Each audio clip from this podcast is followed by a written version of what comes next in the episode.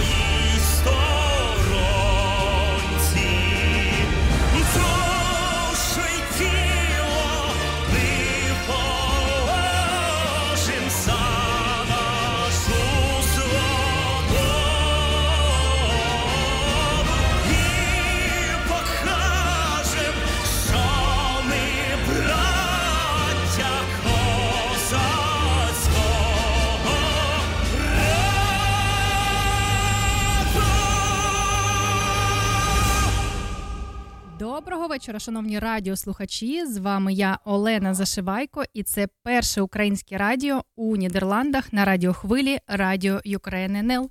Сьогодні п'ятниця, і ми починаємо свій ефір. Сьогодні 4 листопада 2022 року, і це 254-й день війни Росії проти України. До нового року залишилося лише 57 днів. І кожного ефіру, доки триває ця війна, ми будемо нагадувати світу, що війна в Україні триває. І цитуємо слова президента нашого Володимира Зеленського: ми ніколи не забудемо кожного і кожного, хто бореться за Україну, хто віддав за неї своє життя. І наша пам'ять це не все, що в нас є. Наша незалежність, яку ми збережемо і передамо нашим дітям і онукам, наша перемога, яка обов'язково буде стануть найкращим ушануванням пам'яті всіх, хто загинув у цій війні. Давайте згадаємо всіх, хто поклав своє життя за свободу, незалежність та суверенітет України. Давайте вшануємо кожного українця, хто боронить нашу країну у цій війні наступною піснею.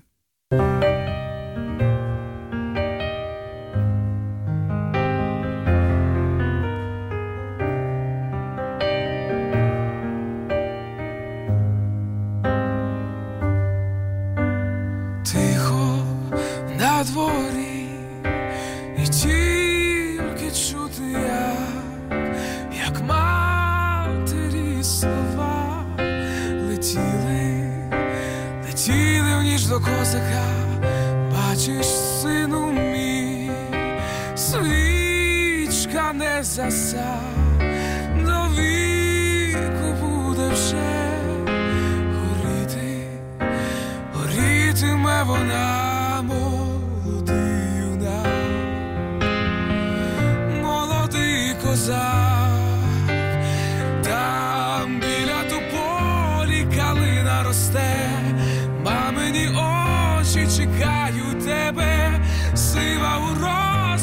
розпачі плаче, сина все чекає, та вмовче його душа мам.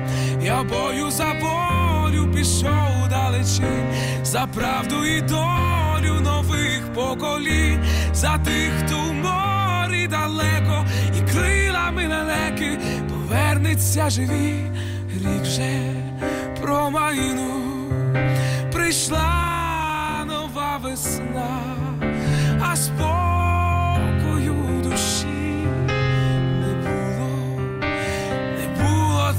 іще нема там батько змучений, сам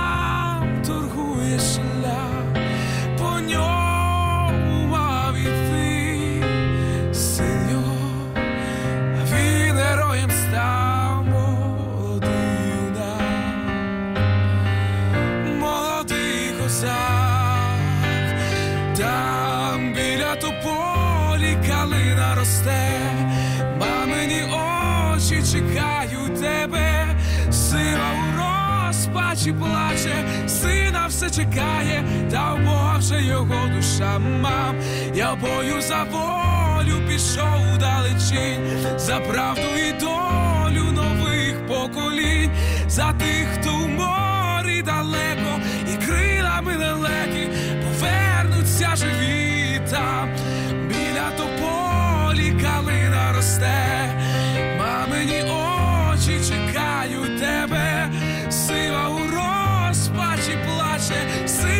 чекає, та Боже його душа мав. Я бою за волю пішов далечінь, за правду і долю нових поколінь, за тих, хто в морі далеко, і крилами лелеки повернуться живі.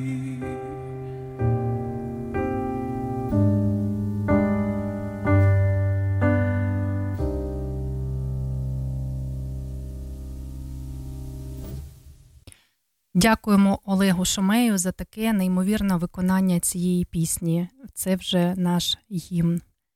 Гімн про, про те, що слід нагадувати і дякувати всім, хто боронить нашу країну. Також 4 листопада е, в Україні відзначають День залізничника.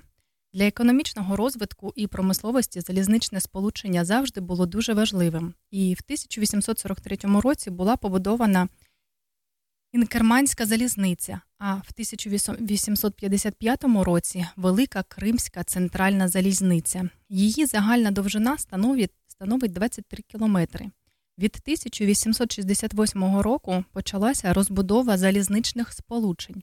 Спочатку в незалежній Україні День залізничника святкували на початку серпня, але з 2002 року президент Леонід Кучма видав указ, за яким святкування перенесли на 4 листопада.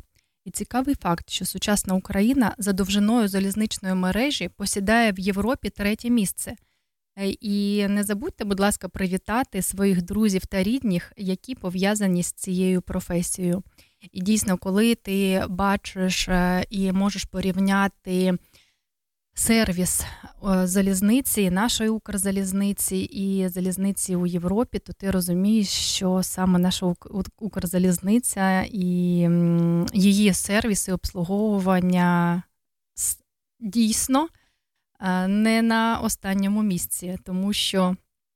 Моя подруга, наша колега Лана Чумаченка мала досвід повернення з України у Нідерланди і прямувала потягом через е, Німеччину якимось е, якоюсь компанією європейською. Так, е, друзі, щоб ви розуміли, у у вагоні не дві полиці для двох людей, щоб лежати, да, а три. Тобто з з одного боку іде три полиці для пасажирів. Е, тобто ви лежите і зразу над вами ще полиця з іншою людиною. Тобто наша Укрзалізниця це ще дуже ого-го і класна, яка взагалі. Також сьогодні, 4 листопада, відзначають День дорожнього регулювальника, професійне свято всіх тих, хто пов'язаний з цією професією. Палицю чорно-білого кольору, яка сьогодні відома всім, створили ще у 1939 році. І таке поєднання вибрали не випадково. В темряві ці кольори добре видно. Головне завдання дорожнього регулювальника керувати рухом транспорту за допомогою спеціальних сигналів. Регулювальники працюють в особливому одязі з розпізнавальними знаками та екіпіровкою. Е, і якщо ви знаєте е, когось знайомого саме з цих професій, або з, з Укрзалізниці, або той, хто е, стоїть на дорозі і регулює весь транспортний потік, то обов'язково сьогодні привітайте цих людей з їхнім професіональним святом.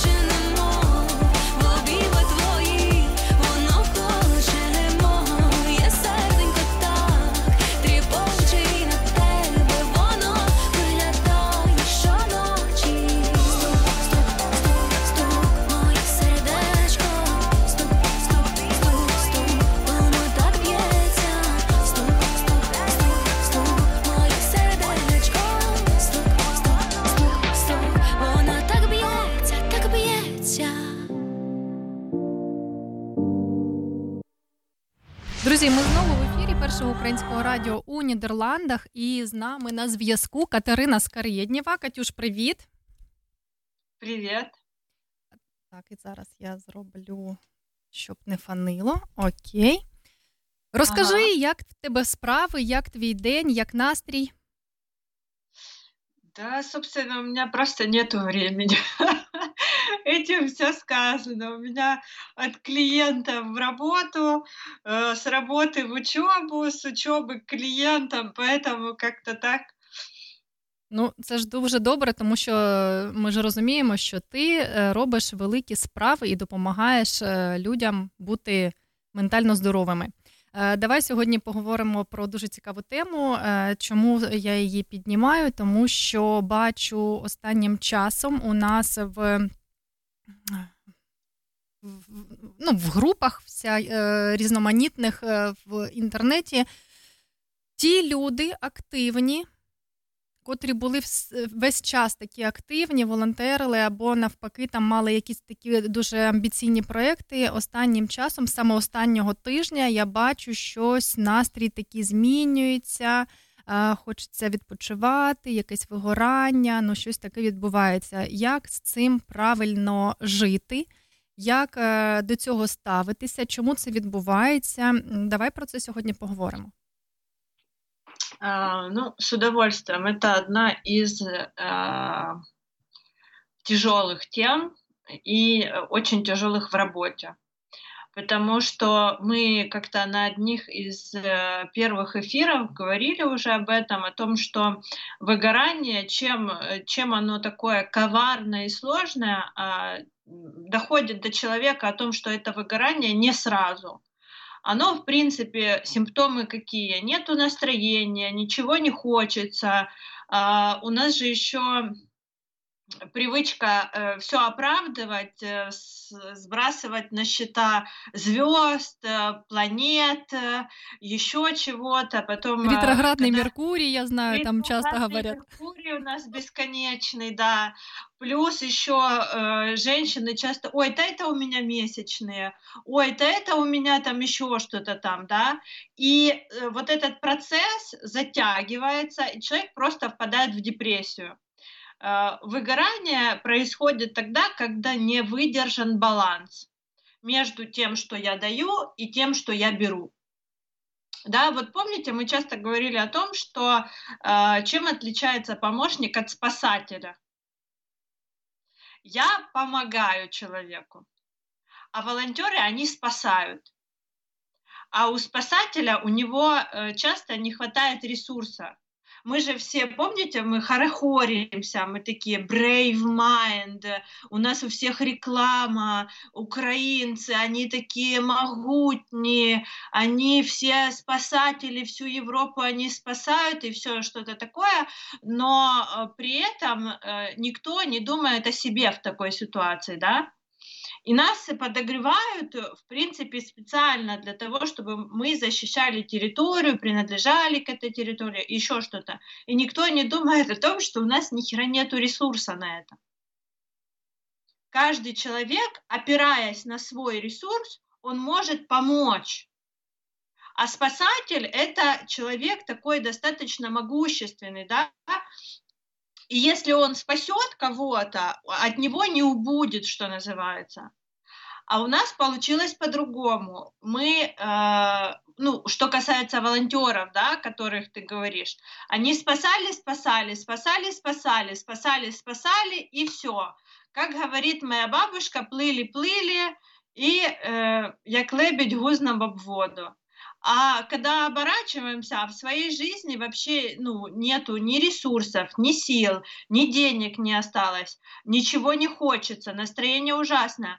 А тут же э, война – это такое дело затяжное, и никто не готовил ни психологов, ни э, социологов, ни волонтеров к тому, как восполнять свой ресурс. Да? Нас же подогревают, давайте, давайте, а сейчас открываем Сбир, а сейчас то-то, то-то, а сейчас еще что-то. И, а это же бездонное дно. Один сбор закрывается, второй открывается. Там где-то мы отправили, а тут уже не хватает. И все время нужно на вчера. И в этой ситуации человек о себе просто забывает. И тут помогает, конечно, только одно, когда изначально выдержан баланс. Но это, к сожалению, сделать, ну, очень сложно самостоятельно, да, к этому надо готовиться. И не все об этом а, знают, правильно? Потому и приходят выгорание. Знают. И э, я скажу даже, э, даже некрасиво скажу, даже психологи, а, увлекаясь вот этим спасательством сейчас, э, что такое спасательство? С научной точки зрения это ну, не с научной, начнем не с научной точки зрения. С обычной точки зрения я играюсь в Бога. Я знаю, как тебя э, спасти, вытащить, я знаю, что тебе нужно, и я это делаю э, вместо тебя. И э, у тебя э, нет э, необходимого опыта, да, вот ситуация вроде бы как закончилась, а у тебя опыта не осталось. У меня остался опыт, как я тебя спасала, а у тебя нет. И ты вынуждена опять и опять искать себе нового спасателя или обращаться к одному и тому же. Что такое помощь? Помощь это другая история. Это когда я тебе говорю о том, что ты можешь сделать вот так, вот так и вот так, э, и ты делаешь. И у тебя остается и опыт, и в следующей похожей ситуации ты уже не спрашиваешь у меня, как делать, а ты просто автоматически это делаешь. Э, коучинг, с другой стороны, да? Это как коучинг, да, э, но ты уже опираешься э, на свой опыт, и со второго раза ты просто закрепляешь навык. Это вот то, что отличает взрослого от невзрослого. Да? Mm-hmm. По сути, когда человек не сепарирован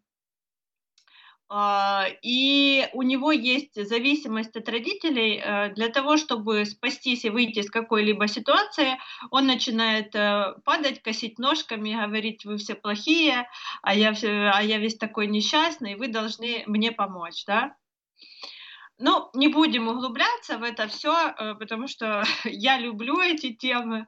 Это прям вот со студенческих лет такие классные темы, и они актуальные всегда. Вернемся к волонтерству и э, взаимодействиям с людьми, да, с, те, с те, которые жертвы. Есть у нас профессиональные жертвы, так называемые, и есть просто люди, которые попали в такую ситуацию. Э, человек не профессионал и не обладающий определенными знаниями и навыками, он не отличит профессиональную жертву от человека, который попал в такую ситуацию. Э, сейчас э, у меня подруга, коллега, вообще моя любимая терапевт Юлия Кобикова, она была в Харькове с первых дней, и там до сих пор она и осталась. И вот э, э, это я к профессиональным жертвам рассказываю историю. Э, когда привозили гуманитарную помощь в Харьков, приходили профессиональные жертвы, становились в очередь, и так они приходили три раза на день брали гуманитарку за, за троих, за себя и за того парня, и потом ее где-то там продавали, перепродавали, еще что-то. Это профессиональная жертва. К этим профессиональным жертвам еще относятся мэры небольших городов, э, э, работники Совбеза, ну и тому подобное. А, непрофессиональная жертва. Это люди, которые просто оказались в тяжелой ситуации, им нужно что-то, вот как трамплин, да, чтобы они могли от чего-то оттолкнуться и идти дальше реализовывать свою жизнь. И здесь э, появляется такая интересная история, когда я не отличаю профессиональную и непрофессиональную жертву, я и на тех, и на других трачу свой ресурс в неограниченном количестве. И я это все трачу сегодня, завтра, через день, через месяц, а ресурс у меня заканчивается. Вот, например, я оказываю психологическую помощь, я оказываю ее за деньги. Деньги – это как раз для баланса. Я тебе время и профессиональную помощь, ты мне за это деньги. И вот я взяла эти деньги, и этот баланс брать-давать выровнялся. Я когда оказывала в начале войны, в полгода, первые шесть месяцев, я оказывала бесплатную помощь только два раза в неделю. Это была среда и воскресенье. Все остальные дни у меня были э, за деньги. Опять для того, чтобы выдерживать вот этот баланс, брать-давать.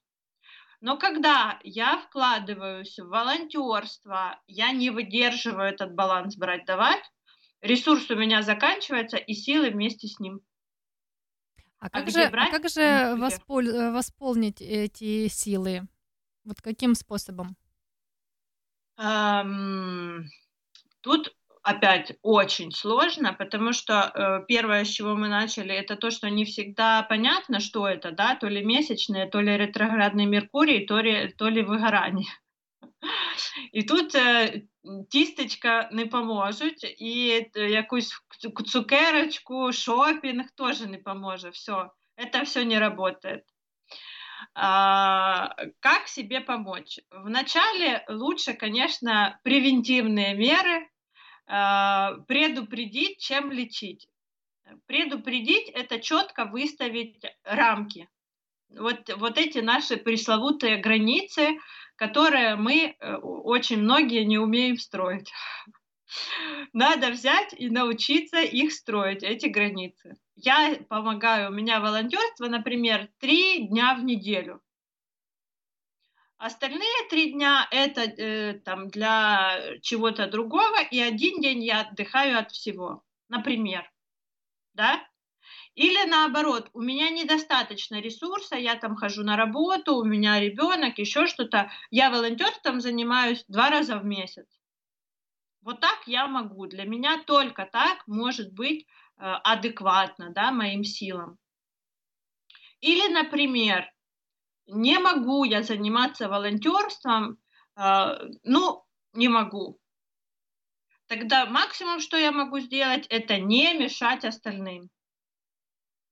И честно признаться о том, что ну, я не могу, я не участвую, потому что у меня нет ни сил, ни ресурса, я не справляюсь эмоционально, физически. Неважно, как я не справляюсь. Но когда мы играемся в Бога, это вот так называется, да, мы играемся в Бога, мы сейчас всех спасем, мы всех защитим, и в Европу мы сейчас спасем, и украинский народ мы спасем, и всех всех спасем, и животных, и, и птичек, и э, моря, и океаны, и, и, и китов спасем, которые выбрасываются на берег, всех-всех. И тогда бегу, бегу, бегу, бегу, бегу, бегу, и все. Ну, а, а просто, а потом э, выгорание это одно из самых сложных э, в работе. Ну, ну, это по-честному, потому что сил нет, ничего не хочется. Э, э, для того, чтобы получить помощь, да, не только за ней обратиться, но еще ее получить и удержать, у меня на это должны быть силы. А когда человек столкнулся с выгоранием, у него вообще нет сил. А мне знаешь, что интересно, Катюша? Вот, допустим, бывает ли такое, что а, ну, человеку, допустим, нужно там неделю или две недели просто отдохнуть, ничего не делать, а потом он опять восстанавливается и, и дальше продолжает в своем же э, ритме э, свою деятельность. Или же все-таки лучше не уходить на эти две недели прям безделья, а все-таки чем-то другим э, заняться, переключиться, чтобы сменить сферу деятельности, и за этот период ты сможешь э, восполнить свои э, силы.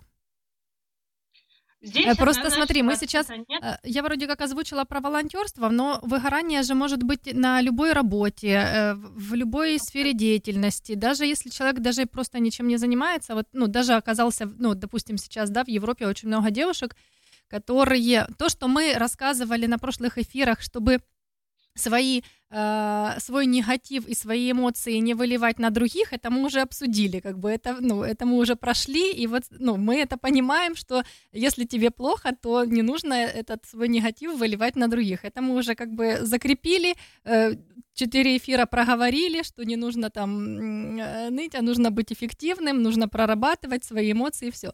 Сейчас, допустим, пришел момент, э, почему я задаю эти вопросы, потому что я очень много читаю этих комментариев всех, и после этих всех комментариев делаю какие-то выводы, и вот мы стараемся обсуждать именно те темы, которые э, затрагивают большое количество людей. Вот. И получается, это выгорание, оно может быть же не только у волонтеров, а, ну, а вообще у, у всех, э, ну, у всех во всех сферах деятельности.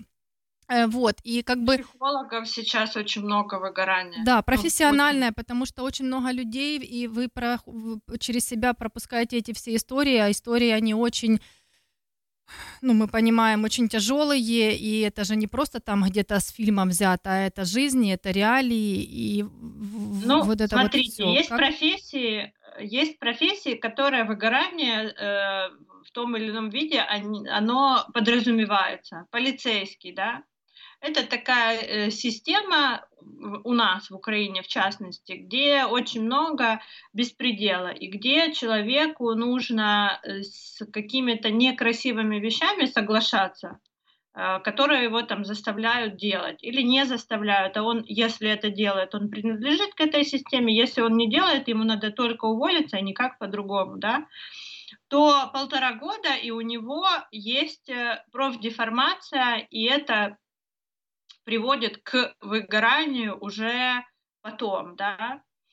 Uh, у врачей есть профдеформация год, э, и все, потому что если врач, э, там, хирург будет умирать с каждым своим пациентом, да, его на всех не хватит. Плюс э, у, у врачей у, хотя бы есть э, профилактика, да, и вот этого прям выгорания не происходит. То есть они где-то там на грани всегда. А, у учителей. Мы помним наши школы, помним наших учителей, и большая часть из них, что воля, что неволя, все одно. Помните этот мультфильм? Большая часть учителей выглядит именно так. Это уже выгорание. И профилактика никто не занимается, и заниматься не собирается еще лет 10 так точно. А как же вот сделать эту профилактику, чтобы человек, понимая, что вот он на грани, что, он, что ему нужно сделать для того, чтобы предотвратить все-таки это состояние? А, нужно сделать первое, то, что мы говорим в каждом из эфиров, это знакомиться с собой и знать, какие чувства и эмоции возникают, и их признавать. Вот я злюсь, я раздражен, или я радуюсь, я там вообще в восторге, или я гневаюсь. Ну, и, и в том плане. А у нас же все чувства, э, как я себя чувствую? Нормально. Да? И это первый такой, э, опять же, границы, о которых я уже начинала говорить. Э, большинство из нас не умеют выстраивать границы. Они не знают, что это такое, зачем они нужны, кто их придумал и вообще зачем эти границы, если вот надо сейчас мир спасать. 24 ну, на 7. Спасать. Да, да, тут мир спасать. Я же хочу в супергероя поиграться, я же такая вся могущественная. Тут же еще принадлежность. Если я спасаю мир, я принадлежу к вот этим спасателям, и я уже играю в Бога, ну, по-серьезному, да. Без меня там, я помню, я когда-то в школе была, пятом классе у меня была куча друзей, э, и э, мне нравилось ходить в школу, я очень любила школу и очень редко болела из-за этого. И тут я заболела какой-то день, и я так переживала, что я, я вот сейчас не приду в школу, а там же без, расстроятся, вот меня нет, как так-то. И в итоге там три дня меня не было в школе, я прибегаю в школу, а тут вообще как бы не заметили, что меня не было. И какая была твоя реакция? я очень расстроилась тогда, я не готова была к тому, что мой мир обрушится, что я не так важна, как я себе там мечтала. Мне еще знаешь, что, Катюш, кажется, смотри, э, перед тем, как поднимать эту тему, э, я тоже проанализировала некоторые э, переписки, да, допустим, и я увидела какую штуку, допустим, ну, Вообще, почему я подняла эту тему, я не хочу называть из-за из какого человека, да, но этот человек очень много делает, находясь в Нидерландах, очень много делает, действительно, есть э, прям такая организация, и там, ну, прям сотни тысяч гривен собираются, и действительно помогается туда, куда нужно, и все. И эта девушка, она часто выставляет в соцсетях, э, допустим, свою фотографию и свои мысли, о чем она думает, да, и там, ну, может быть, там целый пост, вот такой вот постище. Она, ну, красивая девушка, молодая, симпатичная, ну, и фотографии у нее, ну, как бы не в монашеском виде.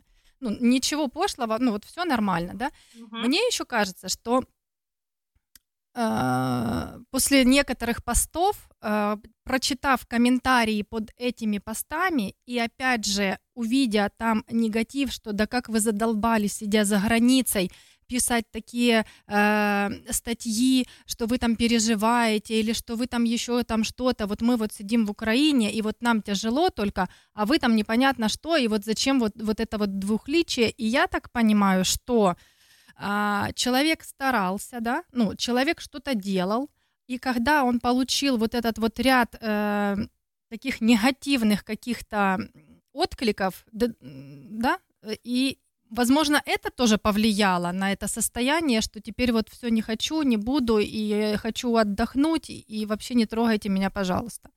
Это могло повлиять? Я, я не думаю. Могло все что угодно. Человеческая психика, она такая очень... Э, неоднозначный такой механизм, да, и это могло и не могло. Это могло быть последней каплей, а могло быть и не замечено ею. Непонятно. Надо говорить конкретно с человеком вообще, что произошло, да, потому что фантазировать можно бесконечно, но есть конкретный человек, конкретная ситуация с результатом. А, как я уже говорила, не выдержан баланс, да, то есть брать-давать не равно несоизмеримо то, что она отдала, и то, что она получила. То есть она отдала э, кучу времени, сил, времени своей жизни, на минуточку, да, угу. то есть она пожертвовала там полгода, семь месяцев своей жизни, э, свои деньги, свое время, э, свое здоровье и много-много всего. Никто не знает до конца, сколько она всего туда вложила, да. но э, и получила она ничего, и плюс еще э, кусок говна какого-то там непонятно от кого, да. То есть вряд ли вот этот, вот этот прям один комментарий был решающим, да. Нет, он просто пришел именно на отсутствие вот этого баланса и на отсутствие ресурса, когда уже и так из последних сил, потому что, ну, одно дело спасти котенка, да, а другое дело спасти батальон солдат или помочь им. Ну, понимаешь, ресурсы затрачиваются разные.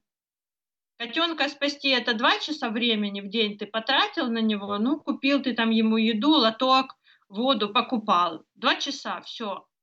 А это круглосуточная работа, связанная с бюрократией, куча бюрократии, связана с э, людьми, которые э, нечисты на руку, скажем так, да, которые э, хотят у тебя что-то украсть, хотят тебя обмануть, э, выходят на связь какие-то решаки, которые предлагают тебе что-то там обналичить. И во всем в этом тебе нужно вариться и вариться с каким-то достоинством, а, преодолевать какие-то трудности, опираться на свой а, профессионализм, где-то на опыт, где-то на отсутствие опыта, да, и нужен кто-то, на кого ты можешь опереться. И такого человека ты себе не назначил, потому что есть э, волонтеры, которые ходят к психологам, и э, они, ну, вот эту связь с реальностью пытаются поддерживать, да, когда я могу, когда не могу,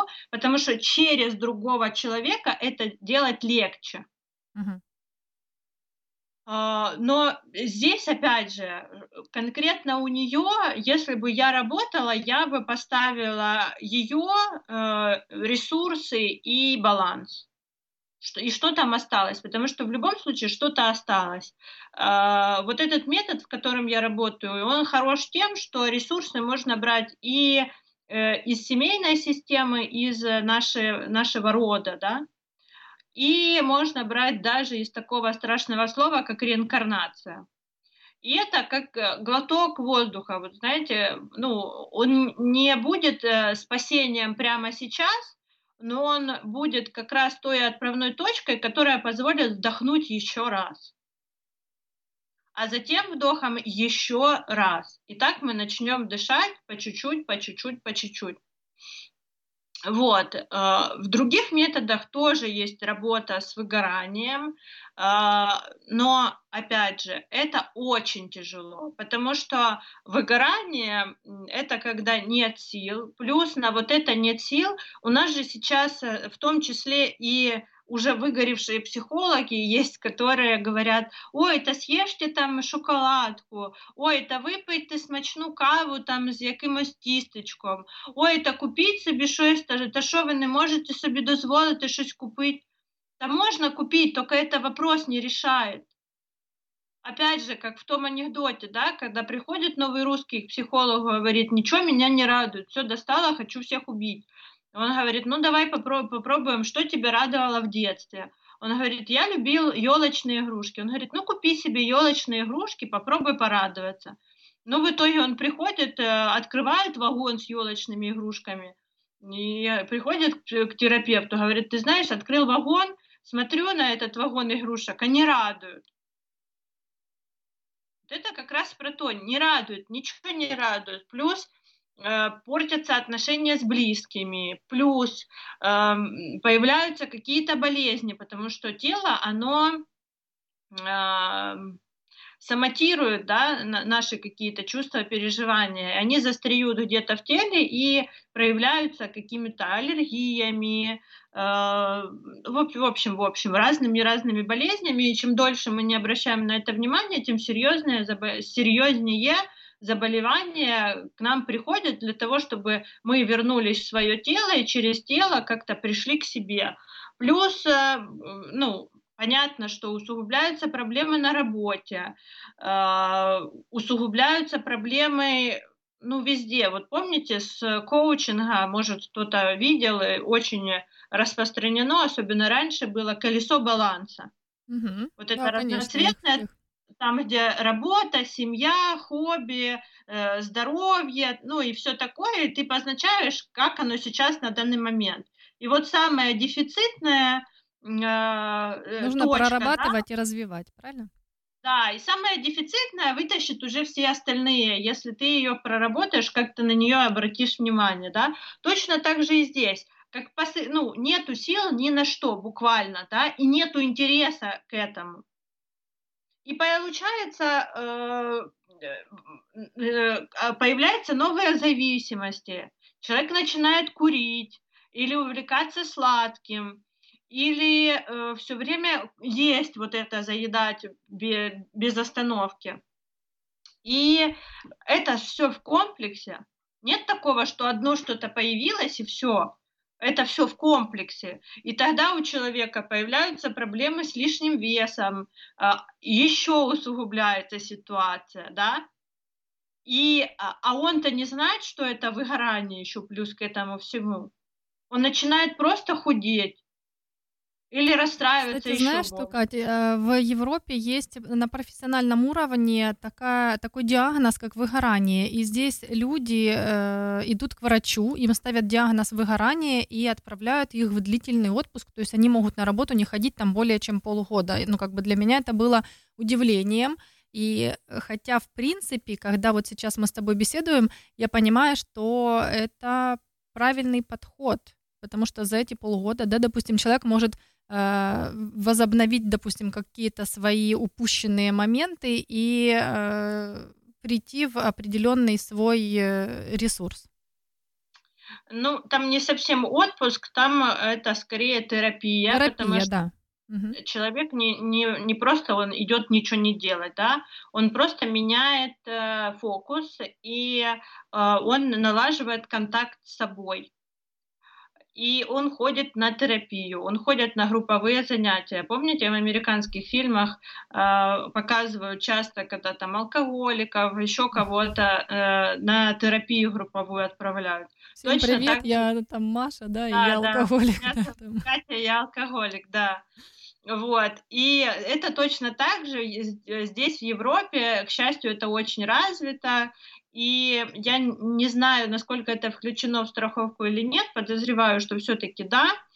Вот. И э, вот эти группы плюс индивидуальные занятия, там же есть много творчества, там есть какие-то задачи. Это, э, собственно, то же самое, что я делаю сейчас эм, э, в группе, ту, ту, которую я анонсировала в прошлый раз, да, что мы в ролях, э, назначая роли друг друга, мы имеем возможность посмотреть на ситуацию. Это прям очень э, ценно, потому что я могу посмотреть на ситуацию со стороны. И точно так э, вот здесь в Европе они дают, дают возможность человеку выйти из системы и, наблюдая за ней со стороны, как-то по-другому учиться реагировать. В этом, собственно, и суть терапии, да, когда ты выходишь из системы время от времени, пусть и раз в неделю или там раз в две недели, и пытаешься делать что-то по-другому, по-новому, как ты раньше никогда не знал и не пробовал. Но здесь в выгорании чем сложно? Тем, что сил на это все нету. И, э, ну вот здесь я прорекламирую именно э, вселенскую терапию, потому что именно во Вселенке есть возможность э, черпать ресурсы из э, семейной системы, из родовой системы, да, и опираться на их достижения, на их опыт, и это послужит как э, вот это, когда человек тонет, да, ему надо опуститься на дно и оттолкнуться от дна, и тогда появятся силы, и человек выплывает не запускать это состояние ни в коем случае. Лучше пойти к психологу порисовать, пойти к психологу, э, там, я не знаю, просто поболтать.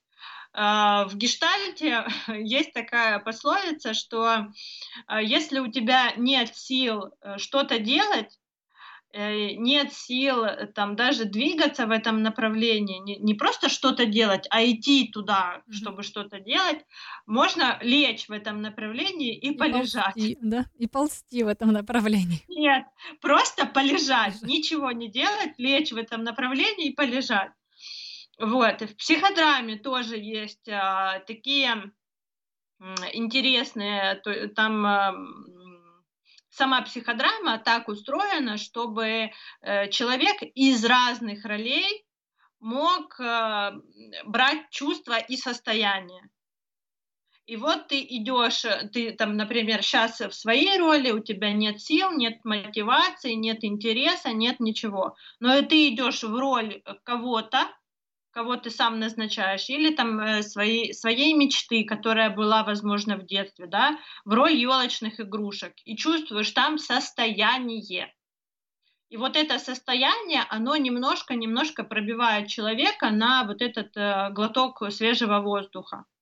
Понятно, что это не одного дня, это прям терапия, как и назначают все правильно.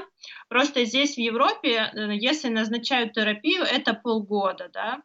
Э, Здесь крайне редко назначают там одну встречу, две, такого не бывает. Здесь, если человек идет на контракт, то он контрактируется либо на 6 месяцев, либо на год. Все. Вот. Тогда будет результат. Э, Зависит от метода, зависит от человека, зависит, зависит, зависит от многих составляющих, но в очередной раз скажу о том, что эм, выгорание э, происходит еще из-за того, что не выстроены границы. Границ нет, э, я о себе забыла, я о себе и не помнила, и э, все ресурсы вложила непонятно во что, себе ничего не оставила, мои границы все понарушали, все мной воспользовались, и я теперь не могу помочь даже сама себе. И плюс еще э, появляется куча вторичных выгод, есть риски провалиться в жертву. Теперь спасайте меня. Я вас спасала? Теперь спасайте меня. Или вообще уйти в жесткий отказ и такая э, с- социофобия, да, что я настолько устала от людей, настолько а, их же сейчас придется спасать опять, да, поэтому не хочу лучше ни с я кем не буду разговаривать, да? Да, я лучше не буду выходить на улицу, не хочу никого видеть. И тут, эм, ну, прям можно провалиться в депрессию, и это, эм, эм, ну, если сказать классика, это будет очень цинично, но э, это частые истории, которые происходят с людьми, э, которые не обращают внимания на свое состояние. Поэтому, как и в, каждом из наших эфиров, я повторюсь о том, что надо чу- э, чувствовать свои чувства, надо их признавать, надо их выучить, просто э, вбить э, в поисковике чувства и эмоции и прочитать этот список. Какие эмоции и чувства мне знакомы, а какие не знакомы. Тоже так бывает. И, возможно, одного раза кому-то хватит, и это уже м, послужит вот тем вот э, маленьким огонечком, да, который, оп, и загорится в нужный момент. А вот здесь я сильно часто чувствую куча каких-то чувств, я их призна- не признаю, у меня нет на это времени, и я рискну, рискую выгореть. Потому что выгорание это что в том числе, э, да я тут спасаю всех людей, они такие несчастные, э, я не могу на них злиться, да, я не могу э, там раздражаться, э, и, и плюс тут еще ж куча жалости, всех жалко, и здесь идет подмена. Э, любовь к людям подменяется жалостью. И тогда я еще дополнительно людей инвалидизирую. Те, которые могут помочь себе самостоятельно, я их уже воспринимаю как они немощные, и мне надо спасти всех. Например, я просто вот сейчас набрасываю примеры, да, и, возможно, у кого-то из наших слушателей есть такие знакомые, или они сами кем-то из э, э, моих примеров являются, да, и тогда, когда э, услышите этот пример, просто э, делайте шаг в сторону, занимаете другую позицию, в психологии называется это метапозиция, вы назовите ее как вам удобно, и позиция стороннего наблюдателя или советчика. И вот делайте шаг в сторону, и что бы вы себе посоветовали сейчас, и что бы вы себе посоветовали полгода назад и через полгода. Конечно, э, когда знаний не хватает, это достаточно сложно сделать, но э, у половины людей, не побоюсь этого слова, достаточно знаний для того, чтобы представить себя просто наблюдателем, да, и подумать, какой совет я могу дать себе сейчас, себе полгода назад и себе через полгода, уже вот имея вот этот опыт, да. Потому что выгорание э, это ну, сейчас очень много психологов, которые ринулись помогать, спасать всех, и а, здесь же психология еще, че, чем вообще это все, почему так все закончилось, скажем так, потому что психолог, не э, опираясь на свой ресурс, он бросился спасать других. И тогда перепутались роли, перепуталось все, потерялись границы, и э, тот же баланс был не учтен. И тогда а люди требовательные, люди требуют очень много, люди хотят, чтобы их спасали некоторые. некоторые... Мне, мне понравилась недавняя твоя сторис. Э, если вы помогли человеку э, в... Как там было? Как-то было. Ну да, то он обратится к вам в следующей сложной ситуации. Да, если вы помогли человеку в сложной ситуации, он обязательно вспомнит о вас, когда у него будет следующая сложная ситуация. Вот. Да. Я предлагаю перейти на музыкальную паузу и продолжим уже после Давай. музыки, хорошо? Mm, да. Собі забрала ключі, і хоч кричи, не кричи, не відкриває тепер двері. Моя чарівна мала, моя єдина мета зробити так, щоб було тобі добре, знову тікаю у сни, де обіймаю тебе, наче розірветься серце, ось ось. І залишається знов, просто легко сказати, але так ми не схожі. Ти недописана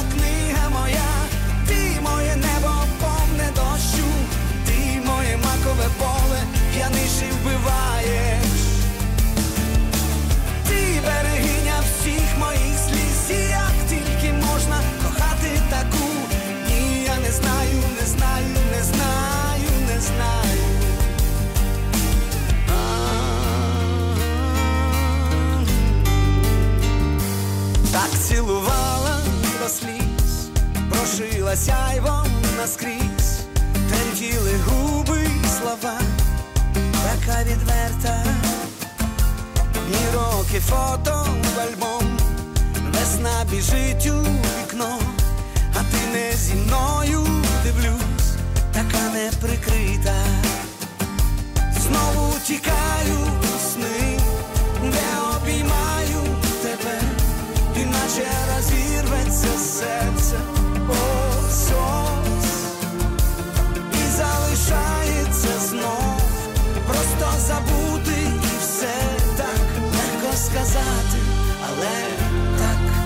schodzi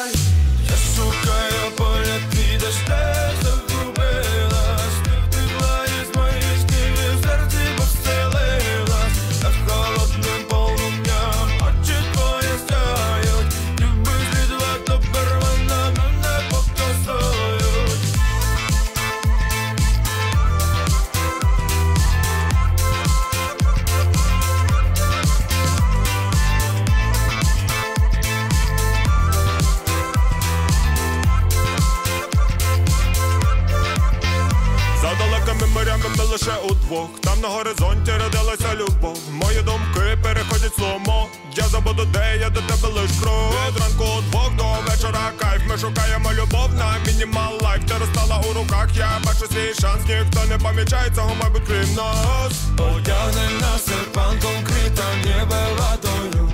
Щовечора я знову під твоєю хатою. Додому проведу залиш свій слід помадою серцем напиши.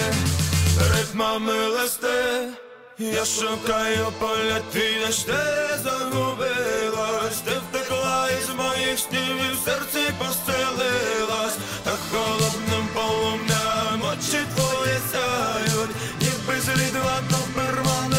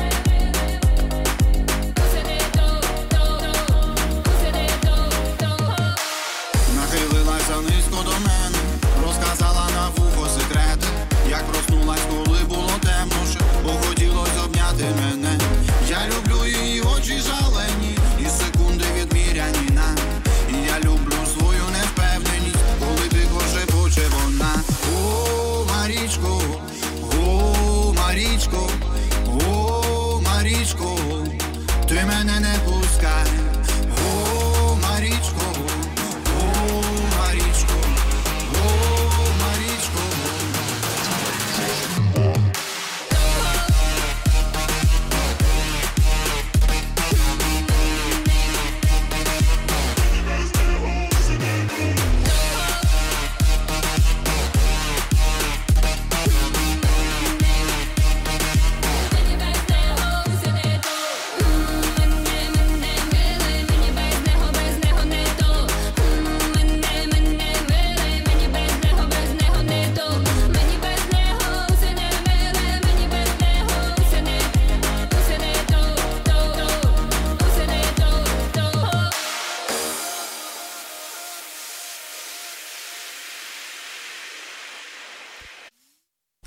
знову в ефірі першого українського радіо у Нідерландах на радіохвилі Радіо Юкрейн НЛ. І з нами на зв'язку наша психологиня Катерина Скареднєва. Продовжуємо нашу тему. Катюш, давай е, підсумуємо сьогодні. Тема дуже обширна, тема дуже цікава і важлива, і болюча, тому що дійсно дуже багато людей страждає е, через вигорання. Тож давай підсумуємо. Які е, самі е, найважливіші дії людини для того, щоб все ж таки не уникнути цього, е, щоб уникнути вигорання і проживати навіть цей процес, якщо він і пішов, щоб якось собі допомогти і ну, покращити свій ментальний стан? Ну, знаете, э, тут, конечно, очень сложно давать какие-то рекомендации, потому что для каждого человека все равно будет э, м, э, не будет это спасением, да, потому что, опять же, учиться выстраивать э, э, границы нужно уметь, этому нужно научиться, это нужно знать, как делать. Без профессионала тут ты ничего не сделаешь. И я рекомендацию ни- никакую не могу дать в этом плане. Заниматься творчеством, да, если у вас есть силы, если есть возможность, э, конечно же, занимайтесь каким-то творчеством, неважно каким, танцы, рисование, я не знаю, хлопанье в ладоши, э, художественный свист, все что угодно, все, что может вызвать хоть каплю интереса, хоть, хоть капельку, вот такую малюсенькую каплю вашего любопытства и интереса, обязательно нужно попробовать. Обязательно. Даже если вы расстроитесь, даже если окажется, что это неинтересно, все равно пока вот этот час или два вы будете художественно свистеть или рисовать какую-то картину, даже если вы будете злиться, но э, в, в этих красках вы сможете выразить эту злость, или в этом свисте вы сможете выразить злость, или художественный крик на дерево, я не знаю, сделайте, все что угодно. Уже какая-то часть эмоций будет не накоплена, а выражена. И тут э, это первый шаг к профилактике, да. Э, Потом э, обязательно посещение психолога. Это тот случай, когда это все обязательно. Если вы э, занимаетесь э, любым видом помощи, любым, повторюсь, вы помогаете животным, вы волонтерите, вы помогаете детям беженцев, украинцев где-либо, да, если вы психолог, так тем более обязательно должен быть терапевт, который э, будет давать обратную связь и помогать вам выдерживать этот баланс. Без помощи профессионала, ну, избежать выгорания крайне сложно и часто невозможно. Потому что когда мы находимся внутри системы, мы не видим, как эта система взаимодействует. Мы как один винтик этого, да.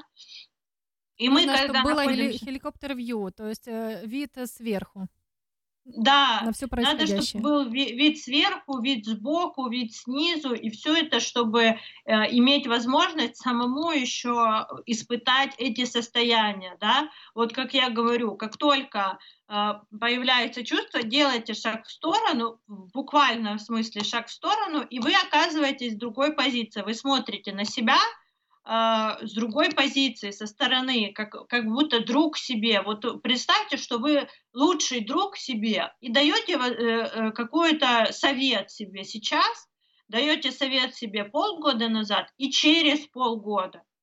И даже если вы будете делать это хотя бы раз в неделю, вы уже увидите результат. Ну, прям увидите его, и даже не побоюсь того слова, с первого раза его можно заметить, потому что иногда такие инсайты открываются, что просто человек начинает шел-шел по улице, да, что-то ему это как разрыдается, а это тоже хорошо, потому что э, эмоции, когда выходят через слезы, а, я не помню точно, но около 40 ферментов выделяются, когда человек плачет.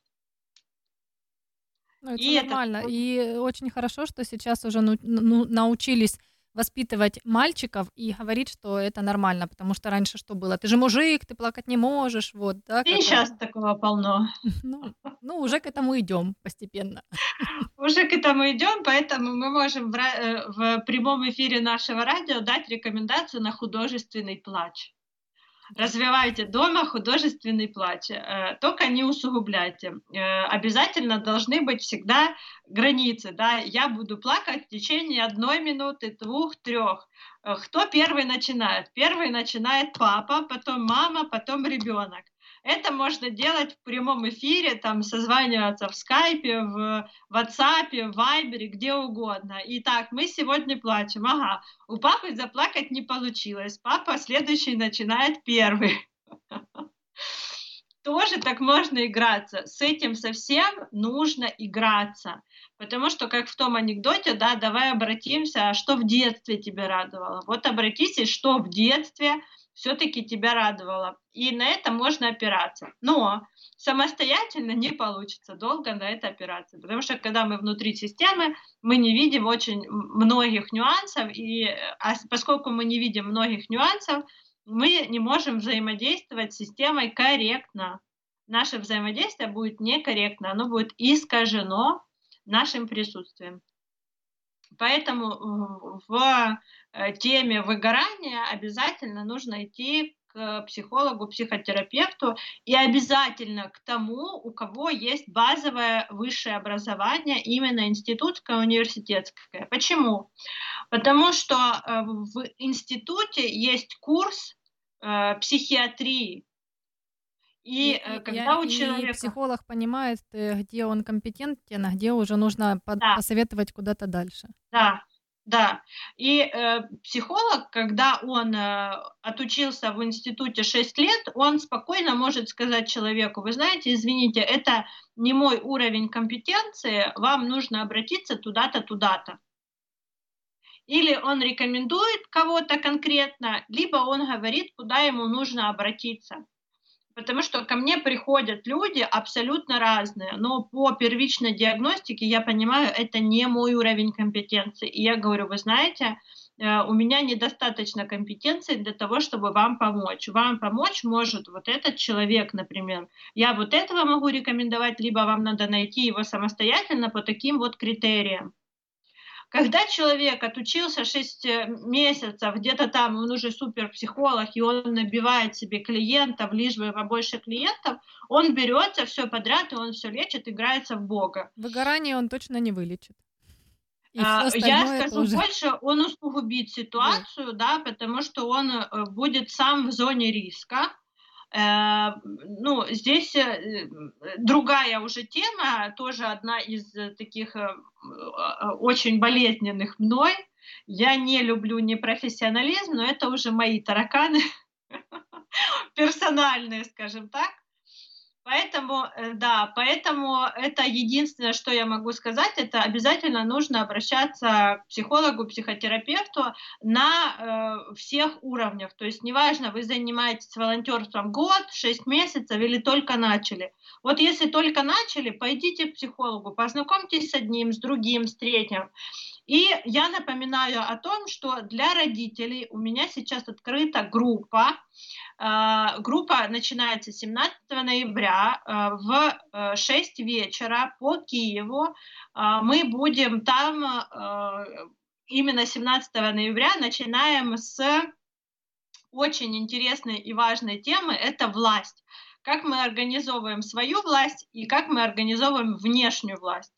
И будет четыре встречи у нас, четыре четверга, так сказать, э, где мы будем разбирать тему любви к детям, вот эту нашу власть и э, остальные э, такие не менее важные темы, которые помогут нам именно поддерживать себя, поддерживать отношения в семье и выстраивать отношения со своими детьми, потому что сейчас до сих пор есть люди, которые с детьми не разговаривают о войне, и это очень плохо, и э, это большие риски, потому что ребенок травмирован, и ему неким с этим, не с кем с этим поделиться. Катюш, у нас Поэтому- залишилося 20 секунд, вже за скоро Так. вийде е, пряма трансляція. Все, я Спасибо. закончила. Спасибо Буду рада большое всех тебе за видеть. эфир, за очень интересную тему. Э, Как всегда, очень познавательно. И напомним, что свои эмоции нужно принимать и с ними жить. И, как говорит наша Катерина Скореднева, обязательно не говорить, что все хорошо, а все-таки проживать все свои эмоции. И злость, и радость, и э, все остальные. Поэтому заходите в Google, э, э, забейте, что такое эмоции, почитайте, узнаете. И, и желаю вам быть всегда ментально здоровыми и крепкими духом.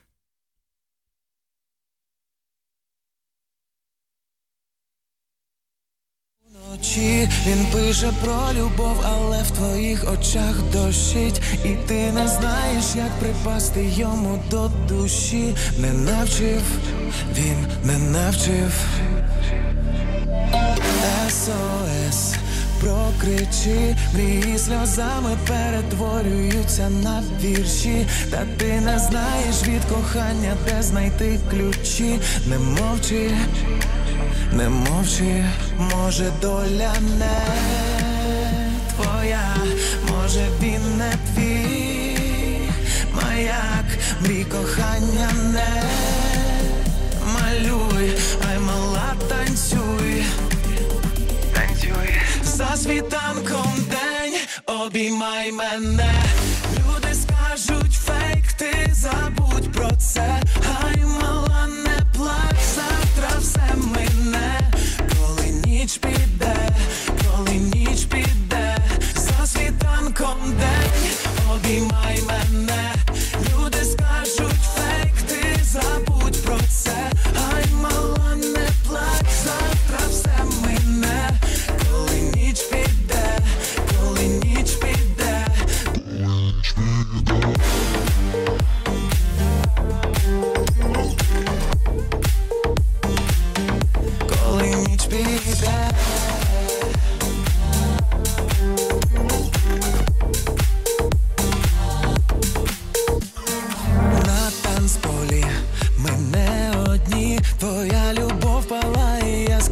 яскравіше всіх вогнів, і ти співаєш серед ночі всі мої пісні, ніби як у вісні, може доля не твоя, може він не твій. Маяк, мрій кохання не малюй, ай мала танцюй. За світанком день, обіймай мене, люди скажуть фейк, ти забудь про це, ай мала не плач, завтра все мине, коли ніч піде, коли ніч піде, за світанком день, обіймай мене, люди скажуть фейк, ти забудь про це,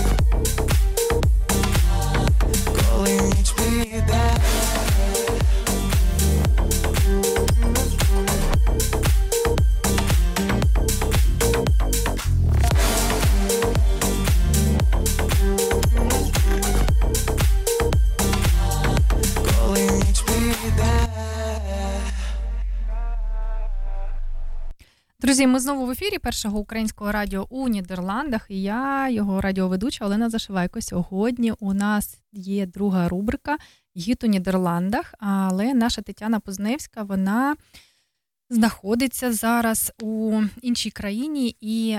На жаль, у прямий ефір вийти не може, але ж ми подбали про це заздалегідь і зробили запис ефіру.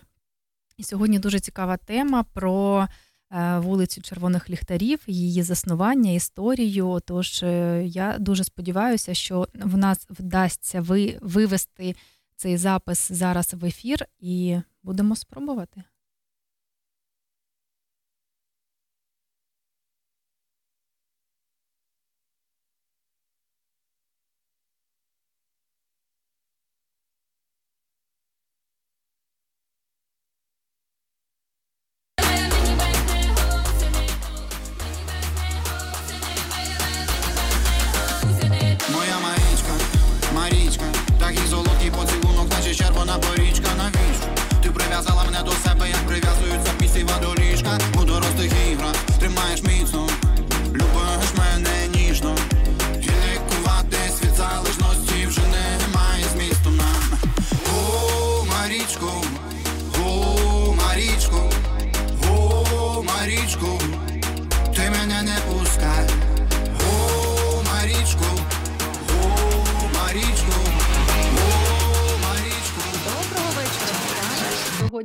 П'ятниця, а це означає, що рубрика Гід у Нідерландах сьогодні з нами.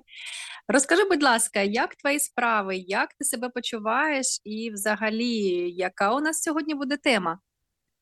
Добрий день, українці. Рада вас, рада з вами спілкуватися, рада тебе чути.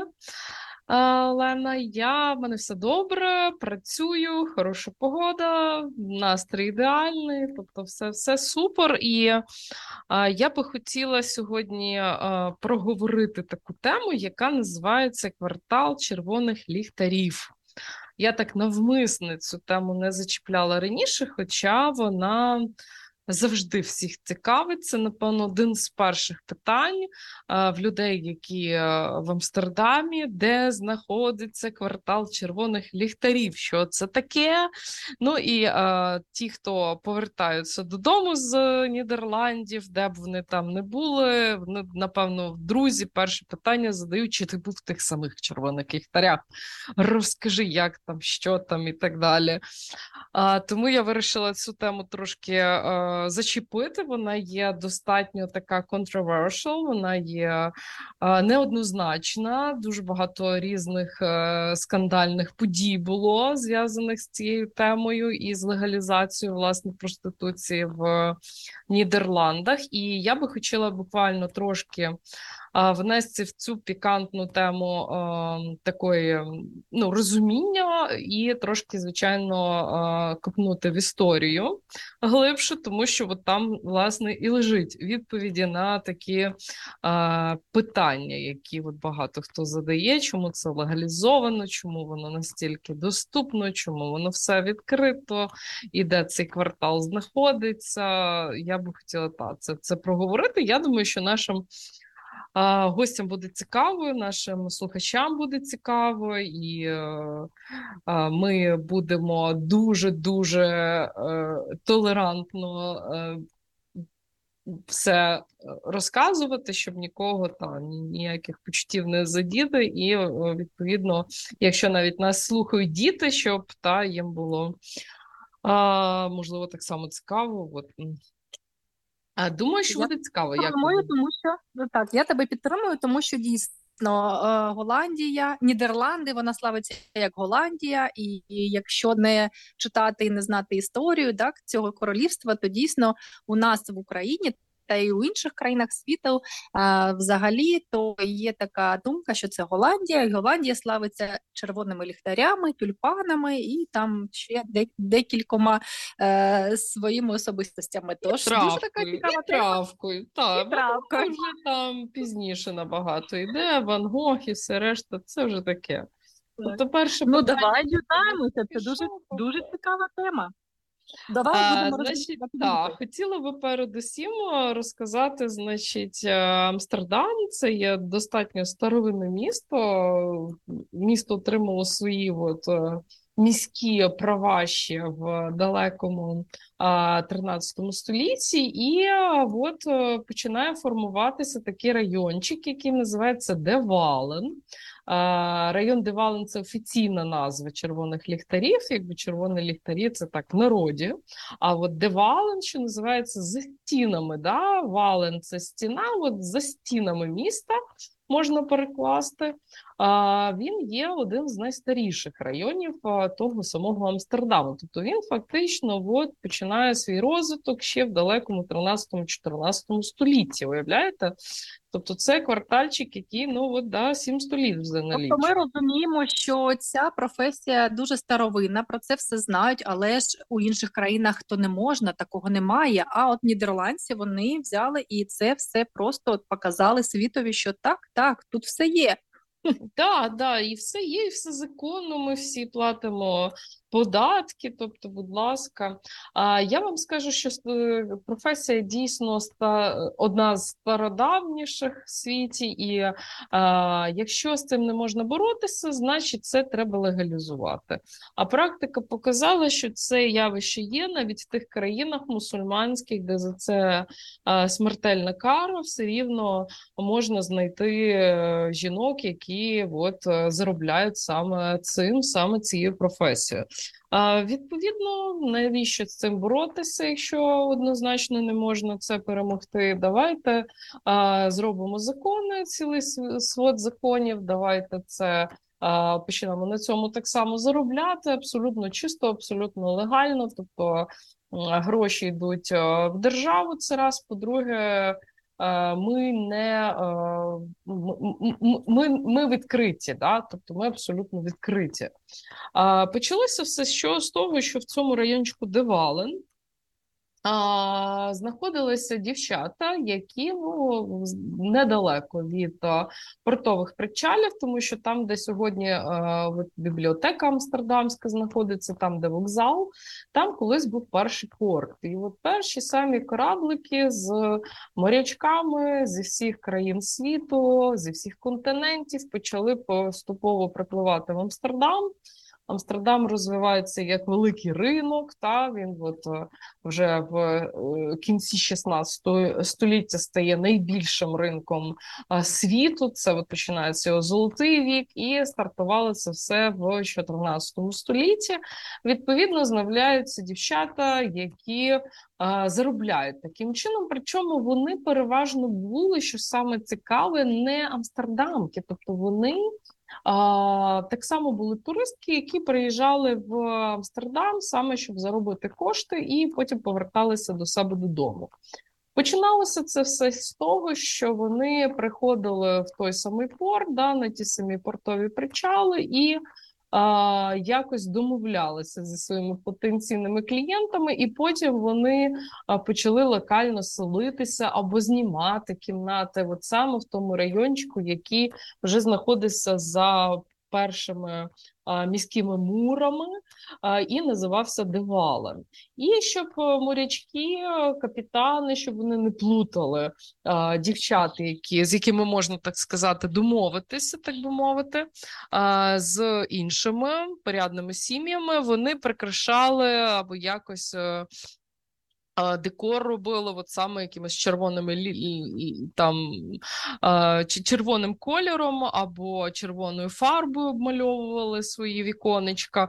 Тобто якісь такі мітки робили, що от саме сюди можна зайти, і тут у вас все, все буде добре. І я вам скажу, що в цьому райончику, от починається з 14 століття, починає ціла така інфраструктура бути.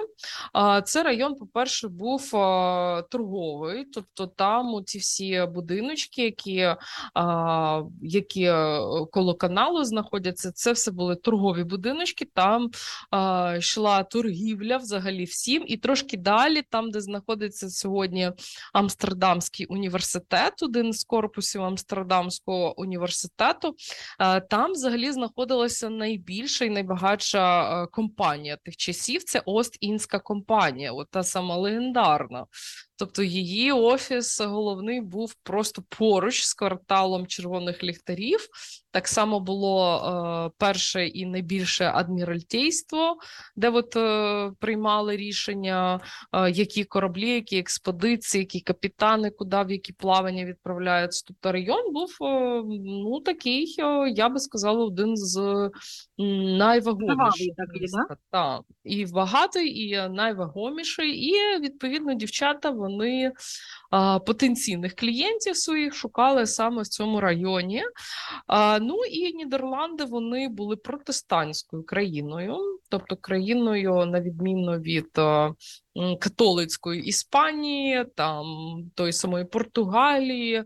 В Італії та були більш такі відкриті вони до такої виду професії, і власне дівчата вони ну не те, щоб це було професія, яка там дуже дуже е, користувалась якоюсь е, повагою в суспільстві, але в принципі на це закривали очі, і от дівчата там собі в тих червоних віконечках е, заробляли кошти, їх ніхто не рухав, е, всі знали, що вони там є. Ну і власне приходить вже в 17 столітті е, до нас іспанська інквізиція. А, Тобто Нідерланди вони попадаються попадають під іспанську корону, починається 80-річна війна, і, е, звичайно, ця вся історія забороняється. Е, І дівчата там їм відрізали вушки, їх палили на багаті, їх е, садили в тюрмі. З'являються перші от такі дома для перевиховання саме для дівчат цієї професії в тому самому кварталі червоних ліхтарів. І е, дівчата, щоб якось е, вийти з цього положення, вони починають. Е, працювати саме коло старої церкви, тому що в тому самому кварталі Девален знаходиться найстаріша церква Амстердаму. Е, це церква Ауде Керек. Вона є е, одна з найбільших взагалі в Амстердамі, і от вони починають саме навколо цієї церкви працювати. І якщо в разі їх там поліція нравів лапає на гарячому, вони встигали до церкви добігти, покласти руку на там на стіну церкви, сказати: Я каюсь, я більше ніколи так не буду. Боже, пробач мені, і власне їх пробачали на перший, там на другий, на п'ятий раз. Тому ці всі місця вони до до сьогоднішнього дня є, і так багато моїх гостей завжди а, Жахається завжди, і в них це викликає шок. Як це оті віконечка прямо напроти церкви? Ну да, от така історія.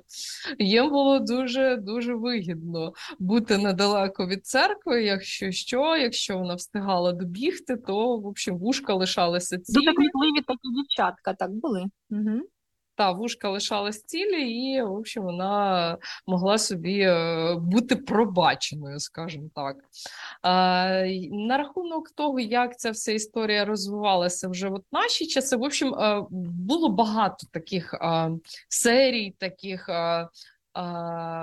історичних подій, зв'язаних саме з цим кварталом, але я повернусь вже до наших днів. Це от 2000-ні роки, коли під тиском євро, європейських країн, та вже в нас Євросоюз, вже Нідерланди одна з найвагоміших, одна з най таких е, важливіших країн Євросоюзу, і от під тиском інших країн уряд Нідерландів вирішив заборонити саме проституцію, саме канабіс там е, і, і, і, і решта. І, в общем, ем, це все перейшло в чорний ринок, в тіньову якусь в тіньові структури, з'являється якесь сутеневство, з'являються такі речі, які неможливо контролювати. І от е, буквально пару років е, парламент на це все подивився і вирішив, що давайте все ж таки повернемо все як було, тому що ми за свободу, і якщо людина вибрала Такий шлях це її тіло, це її право, і е, вона зі своїм тілом, зі своїм життям може люби, робити все, що завгодно. Але е, в нас є певний певний перелік законів, що можна, що не можна. І я вам скажу, що е, найважливіше, що оці всі дівчата, які, е, яких можна побачити в червоних ліхтарях, ми їх називаємо так коректно секс-воркершами та секс-воркерами. Вони є як приватні підприємці, тобто вони оформлені в торговій палаті Нідерландів як ЗЗП. Вони відповідно сплачують податки, вони е, подають е, спеціальні звіти, і вони не можуть це заборонено законом працювати на когось. Тобто вона може працювати лише сама на себе. Вона сама укладає угоду з компанією, яка там її охороняє, сама укладає угоду з компанією, в якої вона знімає житло, орендує. Тобто, це все вона робить сама. Е, сутенерство воно заборонено законом, і за це це дуже серйозна стаття. Воно прирівняно до торгівлі людьми. Тобто, от, хотіла сказати, що е, це щоб не було експлуатації людей. Звичайно, тому, що так. Це, це чуть на 10 років за це, тому а, цим от не зловживають. Якоїсь такої історії, як сутенерство, ви не знайдете. Так, вона може працювати та в стриптиз-клубах, вона може ще десь працювати, але знов таки вона укладає угоду з підприємством, як там комісійний договір, чи ну там якось по-іншому, але вона не може найнятися кудись на роботу і бути найманим працівником. Це заборонено законом. А що ще хотіла розказати? Значить, райончик, оцей Девален, він є а, найстаріший. Тому він є от такий от е, скандальний, але він такий в нас не один. І якщо ви подорожуєте і по райончику е, Іордан, та це от права частина від е, Дамраку, там так само є віконечка, можливо, не стільки, але все рівно це все є. І а, я вам скажу, що а, такі трошки смішні історії є, значить, найстарша. Як ви думаєте, от чисто imagination, та чисто, чисто от ваші припущення, а, скільки років найстаршій? А, Танюш, я не знаю. Я не знаю, скільки років найстаршій, але я бачила, проходячи по Амстердаму, гуляючи по Амстердаму, і проходячи повз е, цю вулицю, то я бачила там е, жіночку е, такого походження, може, Китай, може, Японія, і їй було понад 70 років. Ну, це точно. Угу. Таймі вона так виглядала. Є там такі дівчата, яким 70 плюс, і найстарша, наскільки я пам'ятаю, їй було от 70 4 роки, коли от в неї брали інтерв'ю журналісти. Можливо, зараз вона трошки старша, вже ну явно трошки старша. І а, журналіст її питає: ну чи вам не важко вже в такому поважному віці виконувати свої обов'язки, скажімо так.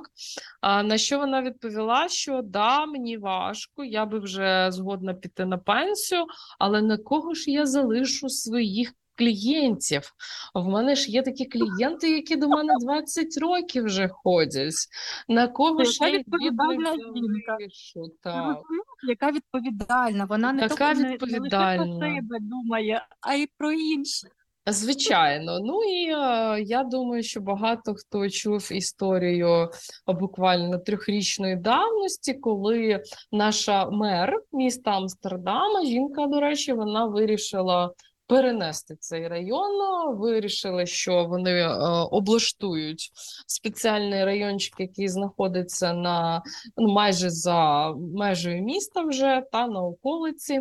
А, І е, цьому так само передувала ціла от низка подій. Передусім, дівчата самі вони почали дуже активно жалітися, що е, до них погано відносяться туристи, що туристи їх ображають, що туристи не так безтактовно себе поводять, і давайте заборонимо сюди е, заходити туристам.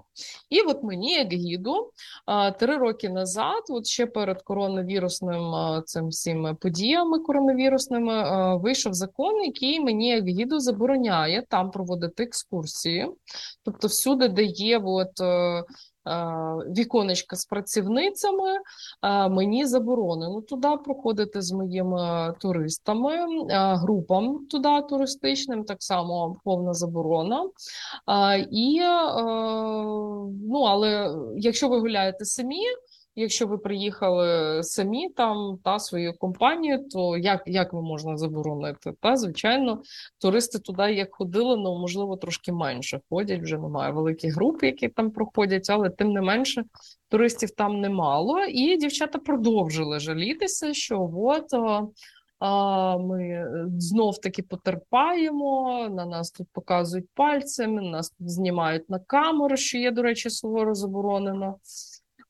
І е, мерія Амстердаму їм запропонувала добре. Ми зрозуміли вашу проблему. Давайте, от вам місце, от там та й там та воно буде знаходитися. Це околице міста. Там буде паркінг, там буде в общем вся інфраструктура, яка вам потрібна. Переїжджайте.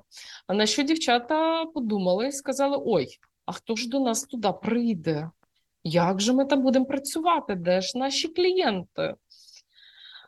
Ну і власне лишився цей райончик червоних ліхтарів, хоча він скорочений, тому що знов таки владою міста зроблений цілий ряд законів прийнятих і нововведень, які там більше податок, е, ще якісь там.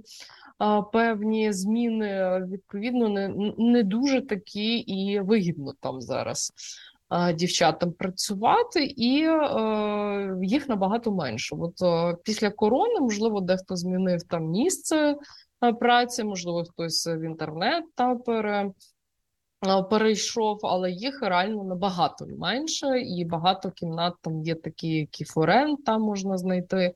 Порожні такі віконці Так, порожні, порожні, звичайно, але я вам скажу, що цей поток такий туристів, який був до корони, він повертається там в п'ятницю, ну просто нема де яблуко впасти. А, І як в цьому райончику живуть звичайні сім'ї, звичайні діти, звичайні е, там сім'ї з дітьми, люди похилого віку, я, чесно кажучи, не уявляю, тому що заснути там ну от майже нереально. Вас... Нереально. Да, вас... Ти знаєш, я мала таку, е, я мала таку такий досвід, коли е, гуляла по Амстердаму, а в мене подружка працює в барі. І угу. цей бар знаходиться на саме на вулиці Червоних ліхтарів. І я до неї зайшла е, у гості, просто там потеревенити, бо давно ми вже не бачились. І я зайшла у день. А які барчики, якщо не світ? світ. Ой, я так не можу сказати, щось там з бульдогом зв'язано. А, це кофішоп, так. Е, ну, я б не сказала, що це кофішоп, але я знаю, що там можна алкоголь пити. Ага. І ми стояли, і ми стояли з нею, розмовляли, тому що це було ще рано, і не, було людей там, хто відвідував той бар. І от ми з нею розмовляли, розмовляли, і пройшло, мабуть, півтори години. І от я виходжу для того, щоб їхати вже додому, і ти знаєш, що я виходжу, а на дворі е, темно. І з цим часом з'явилися освітлення ілюмінації саме ж цих е, ліхтарів. І було стільки народу. Я просто не могла пройти спокійно, як я це робила там ще дві години тому. І ти знаєш, яка в мене була ідея? Я зателефонувала по відео своєму чоловіку і кажу: ну, тепер дивись, буду тобі робити екскурсію на червоних ліхтарях. Він так сміється. Дійсно, стільки народу, стільки всього. І ну, я була здивована, чесно, тому що ну, я вже перебуваю тут більше ніж півроку, і це було вперше перше, і це, до речі, було у жовтні. Зовсім mm. недавно. Недавно. Так. Ну я я вам скажу, що там настільки було іноді е, важко пройти, що там от е, такі працівники в червоних футболках на них написано crowded management, тобто менеджер натовпу можна перекласти посаду цієї людини. От якщо вулиця занадто там багато людей, вже така толкучка, та вони перекривали е, огородами, о, такими огорожами е, взагалі вулицю цілу, уявляєте? Тобто таке от е, явище є лише в кварталі червоних ліхтарів, щоб там люди не подусили один одного, щоб не було якихось. Е, таких е, поганих історій, та травматичних випадків, то оцей crowded management перекривав іноді е, найбільш такі людні вулиці, щоб вже більше туди людей не заходило, тому що ну аж забагато. Ну і е, звичайно є такі там цікаві. От ви бульдог згадали, це найбільша мережа Кофішопів ми обов'язково поговоримо. На наступний ефір в нас буде тема саме канабіс, кофішопи і як це з нами все сталося. Ми поговоримо про цю мережу кофішопів. І ще я хотіла розказати, що в кварталі е, червоних ліхтарів там є порнотеатр, який називається Каса Роса а, Там такий а, сивий, дуже поважний власник, який так само час від часу дає от, інтерв'ю, а, і цікаво його іноді слухати, як він взагалі дійшов до цієї всієї ідеї. І є ще там, можливо, ви так само проходили, бачили Олена, там є а, така кімнатка, яка називається Red Secret Museum. А, чер... Тобто музей червоних ліхтарів там. Музей. Угу. І, і дуже музей, багато людей було. Так, так, так. Цікавий музей. Так само є історія, як він там з'явився, і хто його відкрив, і що там всередині. І є ще в нас там місце, е, де от сам самий перший взагалі стрип-клаб в Європі, стриптиз-клуб е, в Європі. Він так само от знаходиться в червоних ліхтарях в районі. І е, дитячі садочки, звичайні офіси, і от той самий Червоний Хрест там є один з офісів. Тобто такий район, ну от все все, все разом.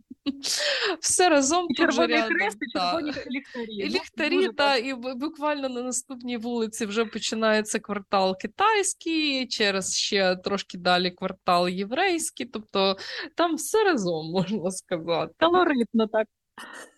Та, ну, дуже, цікава, дуже цікава інформація, Танюш, дякую дійсно. І я дуже сподіваюся, що наші радіослухачі дізналися щось цікавеньке для себе.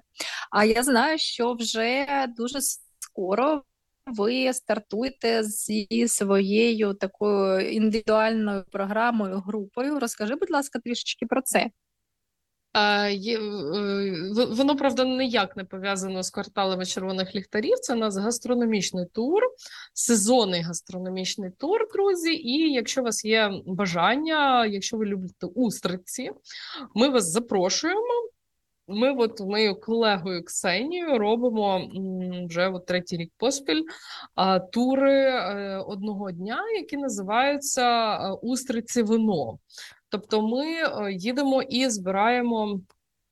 Своїми ручками а, устриці, як от ви гриби в лісі, можливо, колись збирали, так само ми збираємо в морі. Є певні місця, де це абсолютно дозволено і можливо. Вдягаємо гумові чоботи, збираємо устриці, ми вчимо вас їх правильно відкривати.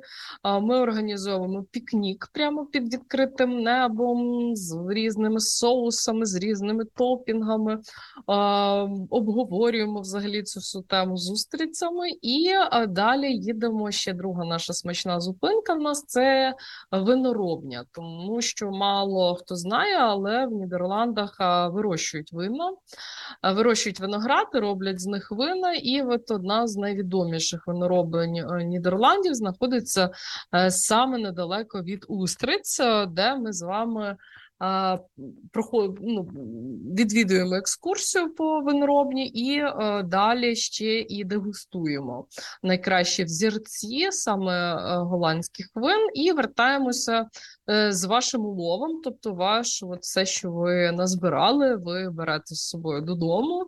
Частуєте, пригощаєте своїх друзів, тобто це от з самого ранку і до вечора ми з вами подорожуємо по провінції, яка називається Зеландія. Не плутати з Новою Зеландією.